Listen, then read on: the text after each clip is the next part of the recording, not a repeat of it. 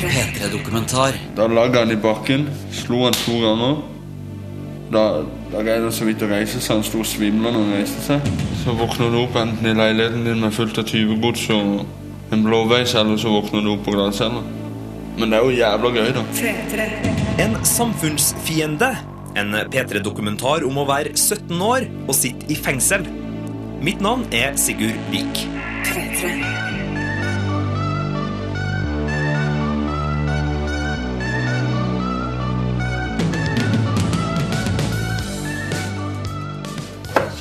brevet som. Det er jailmailen. Det her er jailmail. Det er fra en kompis av meg som sitter på Åna. Har vi enda en kompis av meg. Han sitter på Evje fengsel. Denne gutten heter egentlig ikke Petter, men eh, la oss kalle han Petter, så slipper han trøbbel med å få seg jobb og sånn i framtida. Er. Det er enda en jente. Det er min lillebror.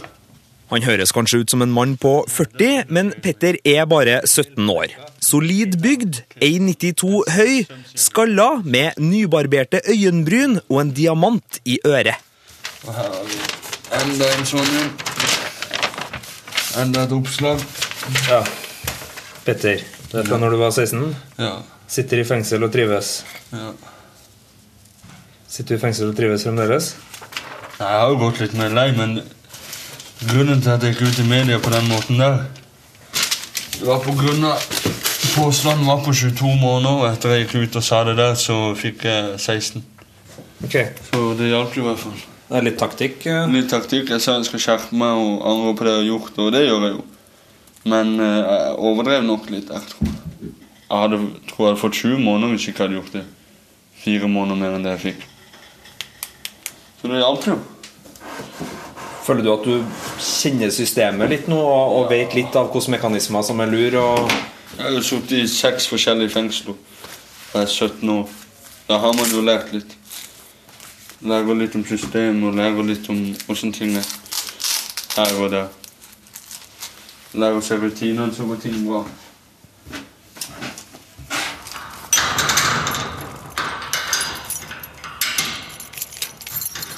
I Norge er den kriminelle lavalderen 15 år. Petter rakk å bli 16 før han havna bak murene for første gang. Han var nemlig medlem av den berykta barnevernsbanden. På bussterminalen der trengte vi ikke å true. Der var det bare å vente til de gikk ut av bussen for tannrøyk, så åpna vi bussen, ikke inn og henta han og løp. Så det gikk fortere, det. Så tobakksrøykende bussjåfører. Ja, de, de var utsatt på bussterminalen. De- Petter er snart ferdig med å sone straffa si. Om noen dager så er han fri. Derfor var det her ei ganske perfekt tid å besøke han på. I denne dokumentaren er det nemlig tre ting vi er veldig nysgjerrige på. Vi lurer på hva i all verden Petter har gjort for å havne i fengsel. Vi vil se hvordan 17-åringen har det bak lås og slå. Og det viktigste, siden han snart er fri, har Petter blitt en lovlydig fyr av å sone straffa si i fengsel. Men før vi får lov til å prate alene med gutten om det her, så må det faktisk sikkerhetstiltak til. Ok, Hva er det her? Den bare sitter du nedi her, og så fester du den i en sånn heppe. Hva er det for noe? Det er en alarm. Så hvis du Hvorfor skal jeg ha det? Nei, jeg vet at du vet aldri. Og Kanskje det kommer noen. Men det her er for, for min egen sikkerhet? er det sånn? Ja. Ja, det Men eh, er det for at uh, trykker du på den, så går alarmen. Okay. Eh, Trykker du ut denne så går alarmen. Men, men det er bare jeg og Petter som skal det? Ja. Så det kommer ikke noen andre? Hva skal dere ha på? Jeg skal, ned og finne noe musikk, eh, eller se om de har noe felles der på. Ja. Nei, men uh, sikkerhet er viktig. Barn skal egentlig ikke sitte i fengsel, men det pleier likevel å være ca. ti ungdommer som sitter bak lås og slå. De fleste soner i vanlige fengsel med tunge kriminelle, men Petter har vært kjempeheldig. Han har fått én av to celler i Norges eneste ungdomsfengsel, som ligger i Bergen. Se for dere type Big Brother-huset med en liten luftegård. Her har Petter sittet nå i åtte måneder sammen med en som vi kan kalle Pål. Foreldrene til Pål ville ikke at han skulle være med i denne dokumentaren, så vi kommer ikke til å høre noe mye fra han. Her er lyden av grusen i fengselsgården, og rundt oss nå så er det et tre meter høyt gjerde laga av gamle veiskilt i alle regnbuens refleksfarger. Alt er veldig sånn pedagogisk korrekt her i ungdomsfengselet. Den høyeste fartsgrensa jeg kan se, er 40 km i timen. Her skal tydeligvis verstingene lære å ro helt ned. Vi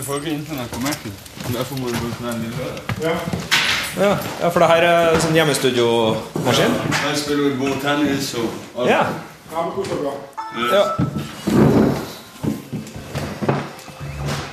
Der gikk endelig vakta, og vi kan snakke fritt. Men Petter er naturlig nok ganske sultefòra på internett, så aller først så blir det litt lokale beats i vårsola.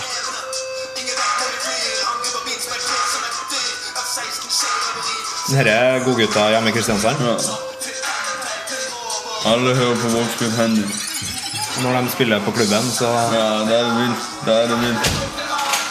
Petter hadde en ganske idyllisk oppvekst utenfor Kristiansand. Men hasjrøyking og biltyveri sørga for at han tidlig havna på barnevernsinstitusjon. Der fant han seg en gjeng som også likte dop og tjuvgods, og de rusa seg, rana busser og butikker og stjal dyre biler. Barnevernet prøvde å splitte denne guttegjengen, men samholdet var sterkt. Det sier jo seg sjøl. Jeg ble trua ut av en institusjon helt oppe i Levanger. Og der er jo du kjent, og du vet jo hvor langt det er fra Kristiansand.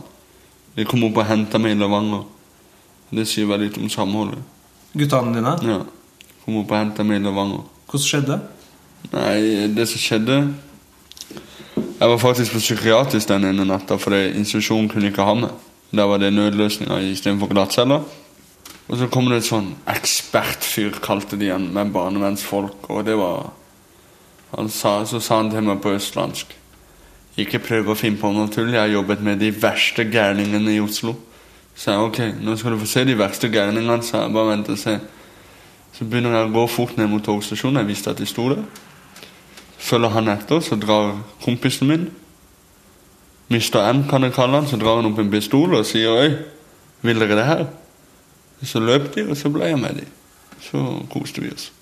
I Trondheim. Hvordan var hvordan i Trondheim? Nei, da ordna vi en bil i Levanger. Så ordna vi kanskje 40-50 liter sprit et sted. Og så ordna vi 40 lapper, 40 000. Så gikk vi jo på Trondheim Torg og ordna oss noe å røyke på og koste oss. Og gikk jeg til jenta på Klæbu, og så sov vi der noen dager. Og så stakk vi sørover. Hvordan ordna dere pengene og sånn? Nei, brekk. Gjorde et ran på Levanger? Nei, ikke ran. Innbrudd. Innbrudd, ja. Ja. Gjorde vi innbrudd, og så fikk vi jackpoter på det innbruddet. Det var sånn vi ordna de 40 000. Så koste vi oss. Hvor mange var dere fra Kristiansand? da? Nei, det var to som kom opp og hentet meg. To gode kompiser. Men hvordan Er det Er det noe du liksom tenker på at Oi, det, var, det skulle ikke vi ha gjort, eller er det gode minner og med gode venner? Nei, jeg, jeg sitter jo akkurat som du kan jo tenke de som har gjort Nokas-ran og sånn. Jeg tror ikke de sitter De tenker nok sikkert det var, det var dumt at han døde og sånn. Men utenom det så tror jeg de har gode minner fra det action og adrenalin. Og, men det kan ikke jeg svare på, men det er sånn jeg i hvert fall føler det. Det er ikke bra å, å sette noen liv i fare, men han var jo ikke ladd. Så det, det var jo ikke det som var, men du skremmer jo folk. Men da må de tenke de skulle ikke ha tatt den jobben for meg, for jeg var høy risiko i barnevernet. Jeg hadde fire stykker på meg hele tida. Da skulle de kanskje ikke tatt den jobben. Så jeg, jeg har i hvert fall gode minner fra det. Jeg vet ikke hva de har, men, men eh, nå tror jeg jeg må ha meg en røyk. Vi går ut og tar en sigg. Skal du høre imens? Ja.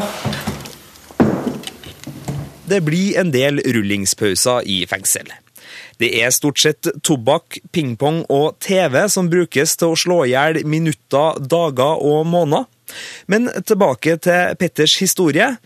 Den fortellinga fra Levanger har vi forresten sjekka, og Petter lyver ikke til oss. Så det var en ganske drøy gjeng han hang sammen med. Barnevernsbanden ble de kalt, og Petter var bandens sjåfør. Gjengen ble berykta gjennom store medieoppslag høsten 2010, og bilder av tre maskerte kids som rana en bussjåfør med kølle og pistol, spredde seg som ild på nettavisene. De herja mest på Sørlandet, men tok også turen inn til hovedstaden. Vi rula jo hele Oslo. vi. Tok jo baklageret på alle butikkene i Oslo. Og, og vi Hva skal vi si På bussterminalen det gikk mange busser der òg en stund. for å si sånn. Det var jo, det var en sånn godtebutikk for oss. det. Og randbussen? Ja, på bussterminalen. Det var jo paradis. Og, Hvordan foregikk et typisk bussran? jeg vet ikke, På bussterminalen der trengte vi ikke å true. Der var det bare å vente til de gikk ut av bussen for å ta en røyk, så åpna vi bussen, gikk inn og henta den og løp. Så det gikk fortere, det. Så tobakksrøykende bussjåfører. Ja, de, de var utsatt på bussterminalen. De, Kan du beskrive hvordan er liksom den typiske bussjåføren? eh? nei, han er trønder sånn som det, og så litt, litt, litt godt i holdet, og så skal han ut med rød tren. Ut med rød tren og ha seg. Og, da, og han løper jo ikke så fort, så det gikk fint, det. Det gikk fint. Og det som er så greit, i Oslo vi så jo mest uskyldige ut der. Vi var jo 14, det var jo narkis og utlendinger overalt. For i Oslo de visste ikke hvem vi var, men i Kristiansand ble vi tatt sånn. I Oslo vi bare Nei, vi har ikke gjort noe. Nei, dere kan jo ikke gjøre det, er jo så små. Vi er på skoletur. vi. Ja, vi er på skoletur, så det, det gikk veldig fint i Oslo, men i Kristiansand det, det gikk ikke alltid så bra. Politiet tok Petter flere ganger. Det ble litt varetekt her, litt samfunnsstraff der, men det var i Trondheim han slo den siste spikeren i fengselsdommen sin. Det var ikke jeg som gjorde det, en annen kompis sto med en tusj og tagga på en vegg eller noe sånt. Så hadde jeg spist, spist noe som heter Exanor, og så hadde jeg drukket mye sprit. Det var en politistudent som fulgte etter meg. Og så var han alene og skulle leke helt, vet du, den eh, politistudent, og jeg er jo ikke så glad i politi. Kommer han mot meg, og så tar han og legger hånda mi bak på ryggen og vrir hardere enn det han må. Da, da lagde han i bakken, slo han to ganger. Da, da greide han så vidt å reise seg, han sto og svimla når han reiste seg. Så kom det en Securitas, og begge takla meg. og da, det, det er en av de råeste sakene jeg har på meg. Så spent, spente jeg en arrestforvarer i trynet. Tenker du noe på ofrene? Altså, Syns du at du har gjort noe galt mot noen? Jeg gjorde noe husinnbrudd og sånn, men eh, jeg fikk en vitneforklaring, og etter det jeg har ikke greid å gjort det. For det er ting som ikke kan erstattes. Og da, da, jeg, da kjente jeg fikk dårlig samvittighet. Så det, det har jeg ikke gjort på to-tre år. Hvilken type ting var det? Nei, det var å gå inn verandadøra om natta og ta bilen, ta gull, sølv, diamanter, mobiler, elektronikk. Alt jeg kunne få utbytte av. Men etter en vitneforklaring der, så, så gjør, gjør jeg ikke det mer. Hva var det med den vitneforklaringa som eh, rørte deg? Nei, hun, hun begynte å grine og sa at sønnen, sønnen nesten ikke fikk sove om nettene lenger, og det, det beklagde. Og jeg har til og med møtt sønnen hennes og sagt unnskyld, og du må ikke tro jeg er en stor, farlig mann som, som vil skade dere. Det var, det var en feil. Så jeg har gjort opp personlig der, og, og dom og alt. Så jeg har gjort meg ferdig der på alle måter, egentlig. Men det er noen som sitter igjen. Ja, det.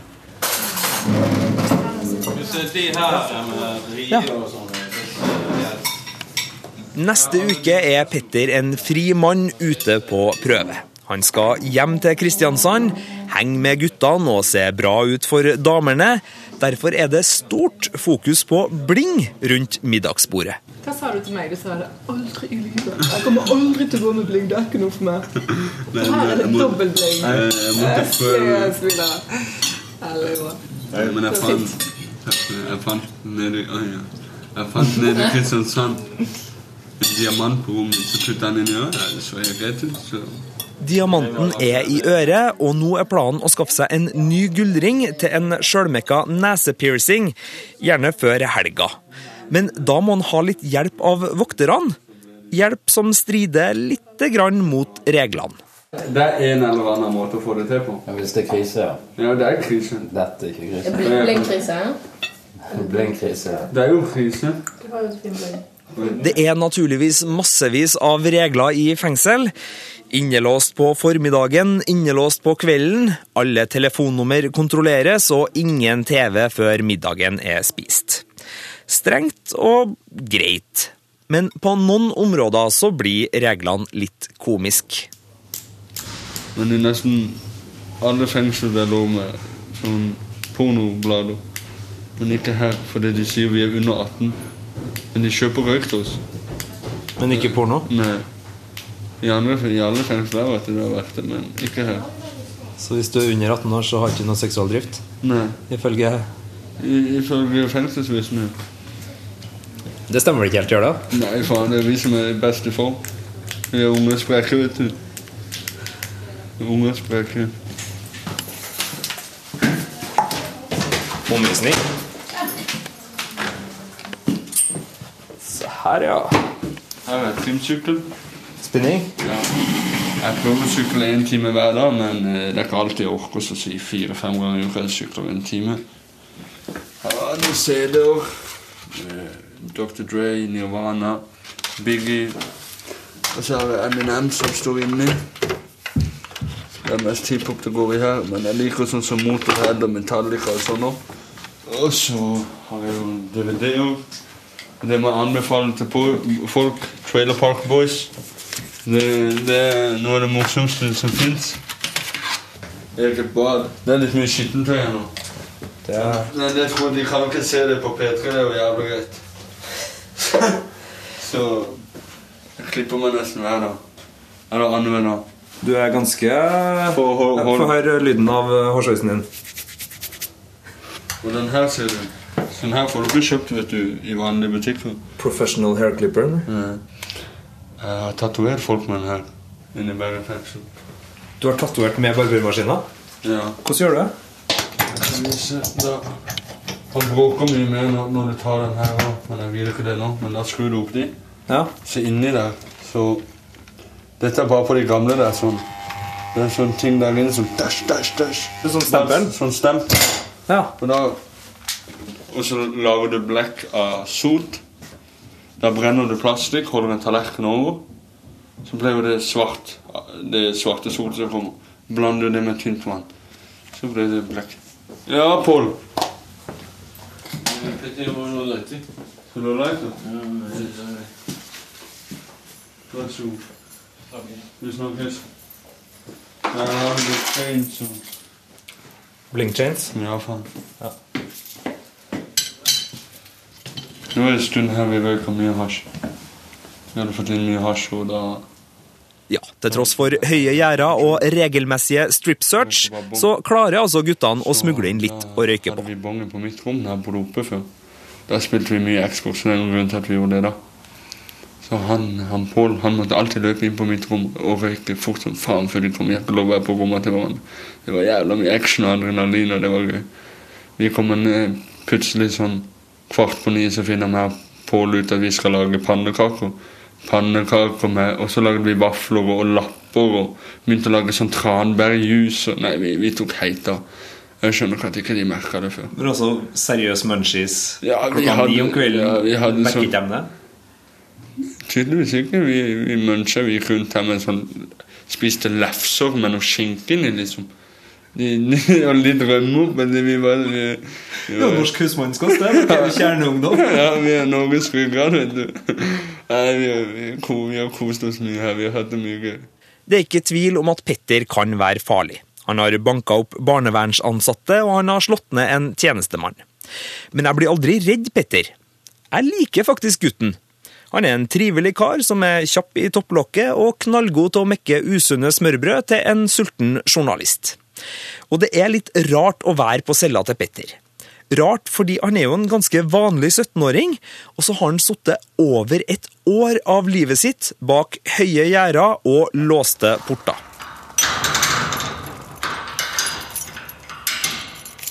Et drygt steinkast unna cella til Petter ligger kontoret til fengselssjefen. Per, Ja, sjefen for eh, hele sulamitten. sjefen for enheten. Stikk på. Per Omdal er lederen for ungdomsenheten i kriminalomsorgen. Han kan fortelle oss litt om hvorfor i all verden vi fengsler barn helt ned i 15-årsalderen i Norge. Det er de som eh, har så mange så alvorlige kriminelle forhold som gjør at man rett og slett ikke har eh, At domstolen ikke har mulighet til å la de få gjennomføre en straffereaksjon eh, ute i samfunnet. Men hvorfor må de sitte i fengsel? Er de så farlige? Ja, de, der er i hvert fall så stor risiko for ny kriminalitet eller en fortsatt, fortsettelse eller en eskalering av den eh, hva skal vi si, avvikende atferden. At det, det, er kun de rammene som et fengsel kan gi, eh, som er tilstrekkelig for en periode til å, å stoppe den utviklingen. Hva er det typisk de har gjort galt? Det kan være grov tyveri, det kan være bilbrukstyveri, det kan være ran. Gjerne med bruk av våpen. Gjerne i situasjoner hvor flere har vært sammen hvem er det det er bra for at eh, de her ungdommene sitter inn? Er det samfunnet, eller er det bra for ungdommen? For, de, eh, for personer under 18 år så vil det være samfunnshensynet som er det primære. Eh, all den tid de skal ikke i fengsel dersom de kan fungere uten stor fare og risiko for andre. Petter ble også vurdert til å være så farlig for samfunnet at han måtte sperres inne en samfunnsfiende, rett og slett. Og det vil selvfølgelig ungdomsfengselet prøve å endre på. Her må han snakke med psykolog, han får kutta kraftig ned på rusen, og så får han jo prata masse med miljøarbeidere og fangevoktere om hva som er rett og hva som er galt. Eh, den formelle betegnelsen er et fengsel, så vi har regler som i alle andre fengsler som, som styrer vår drift.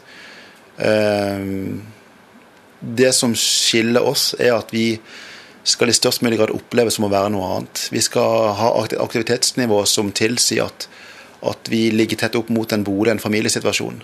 Eh, så vi har måltid, vi har aktivitet, vi har fisketurer, vi har fjellturer osv. Som, som, som de aller, aller fleste gjør sammen med mamma eller pappa. Det virker jo som dere bytter ut det sosiale livet som Petter og andre har hatt på vanlige soningsforhold, der de henger med medfangene, og så tar dere tar bort alle de medfangene, og så plasserer dere masse voksne miljøterapeuter mm. og barnevernsfolk og, og fengselsbetjenter rundt dem. Er det, det litt der dere gjør? Det er riktig. Vi har en stor grad av, av voksne med. Og, og det, det, er vi, det er helt avhengig av for å kunne jobbe, jobbe fort og godt med disse, for å få de ut igjen.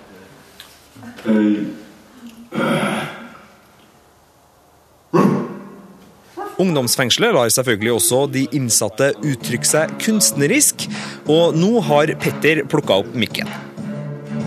Det irriterer meg han der Pål. Han tror han blitt Tommy T her. Hallo, Tommy T. Ja. Han sitter på garasjen. Er Tommy T. Det her er eksklusive greier. Det var faktisk fengselsbetjenter som ville hindre oss i å spille det her på radio. De var naturligvis bekymra for tekstene. Tomme brett, tomme blekker, tomme flasker. Du er frekk nå. Noen piller og et trekk nå, og jeg går rett på og de finner noen rester. Det som skjer, det ble festen. nå. fane. Bare tobakk. Jeg røyker mye Keef. Ja, det er opplagt. Bitch. Det er god ungdomsklubbstemning på oppholdsrommet i kveld. Petter og Pål sitter klistra foran iMac-en, og den kvinnelige miljøterapeuten koser seg med kryssord i nabostolen. Men dette ungdomsfengselet er et glansbilde på hvordan ungdommen egentlig soner.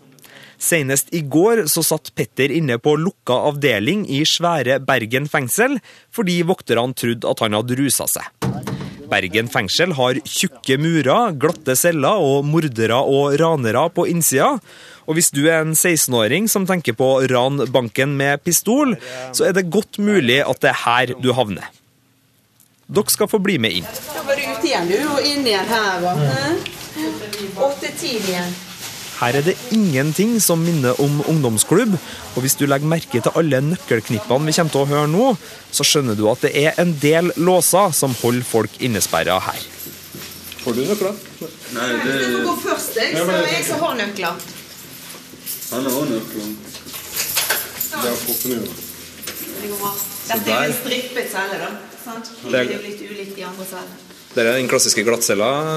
Ikke glattcelle, det er strippecelle som mellomting. Ja. Er det her lukka avdeling? Ja. Så det er høy, høy sikkerhet, det her? Ja, det er mest lukka i hele, hele Bergen fengsel. Hvor mange døgn har du vært her til sammen? Fire uker. Fire-fem uker? To uker den ene gangen. En uke. Så har det vært mye små, små dager. Ditt og datt. Så hvert fall fire. hvert fall fire. Men hva kan du finne på når du er her? Nei, Se på TV og sove. Det er det eneste? Og spise.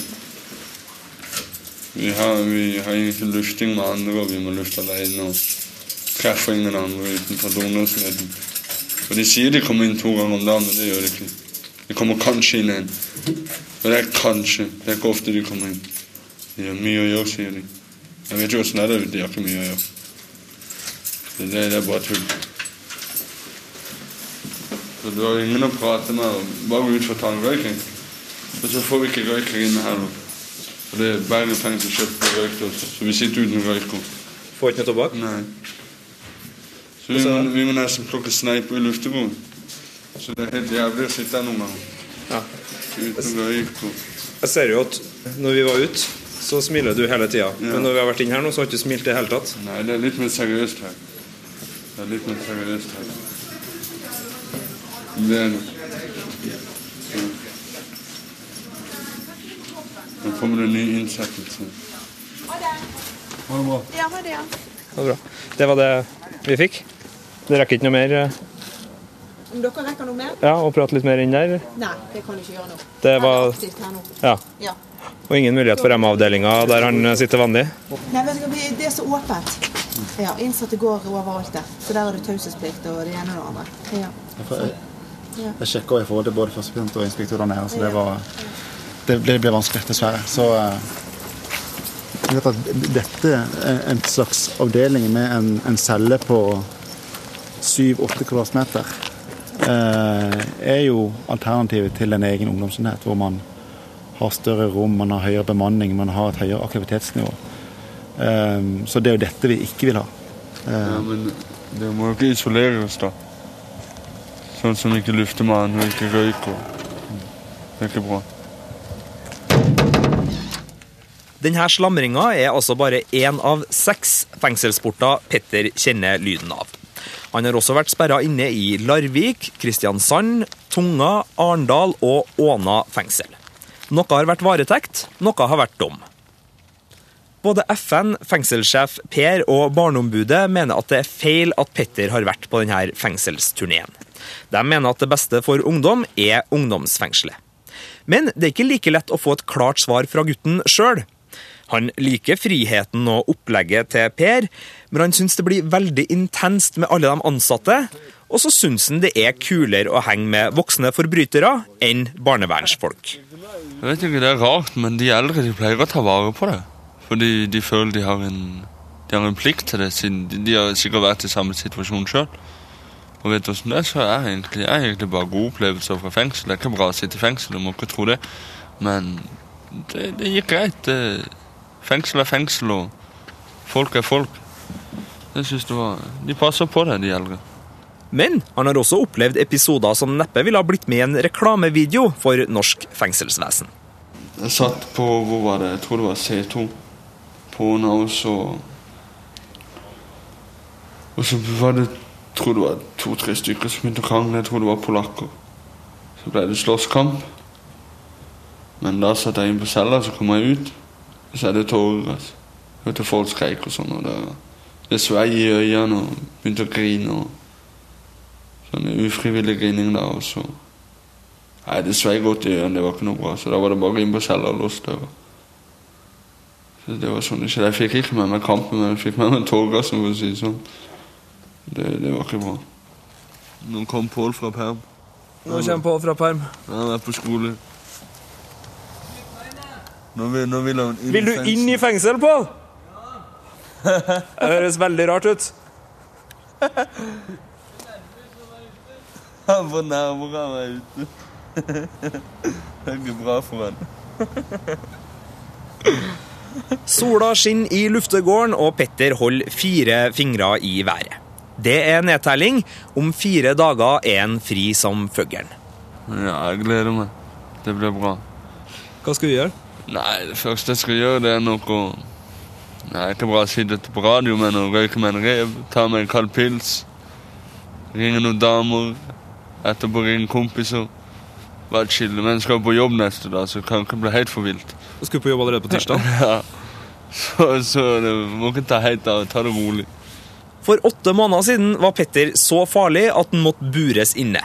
Neste helg kan det hende at du treffer han på fest. Da blir jo det store spørsmålet har Petter blitt en lovlydig fyr av å sitte i fengsel. Fengselssjef Per er overbevist om at det er en ny og bedre Petter som nå skal ut. Men hva mener gutten sjøl? Ikke mindre eller mer farlig, er den samme. Men jeg ser nok litt annerledes på ting. Men det er sikkert for jeg har vært lenge uten rus.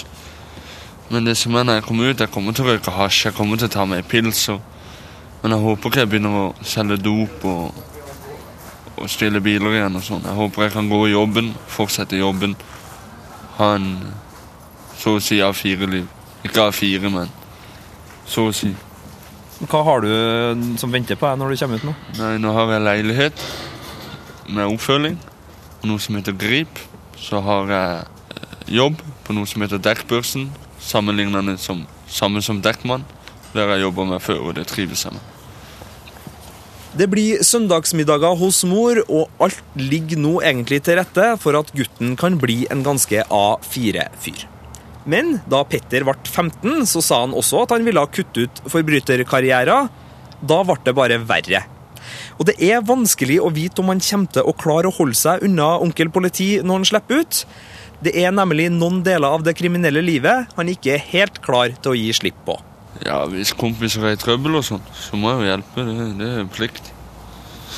Og det er det eneste. Så kan det jo være at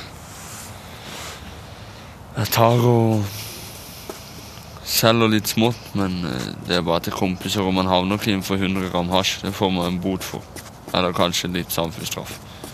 Så Det er jo negativt å tenke sånn, men jeg, jeg gidder ikke å lyve til meg sjøl. Er du redd for å havne i fengsel igjen? Nei, det er ikke noe eh, Hvis jeg havner i varetekt, er jeg ikke redd. Det slipper jeg ikke. Det er ikke noe å være redd for. Jeg sitter ikke i St. Quentin, for å si det sånn. Det er ikke sånne tilstander i norske fengsler. Men er du, altså, øh, Har du det i bakhodet at du øh, ikke vil dit, eller hvordan, hvordan tenker du sånn øh, Jo, ingen vil jo i fengsel. Ingen vil jo det. Men det kan skje, alt kan skje. Huset ditt kan brenne ned i morgen, og da kan det være kjipe stunder, og du må ordne ting. og Alt kan skje.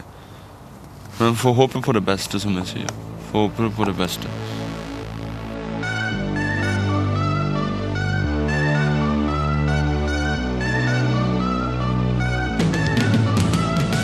P3-dokumentar søndag klokka ni på P3 og når du vil på p3.no. P3.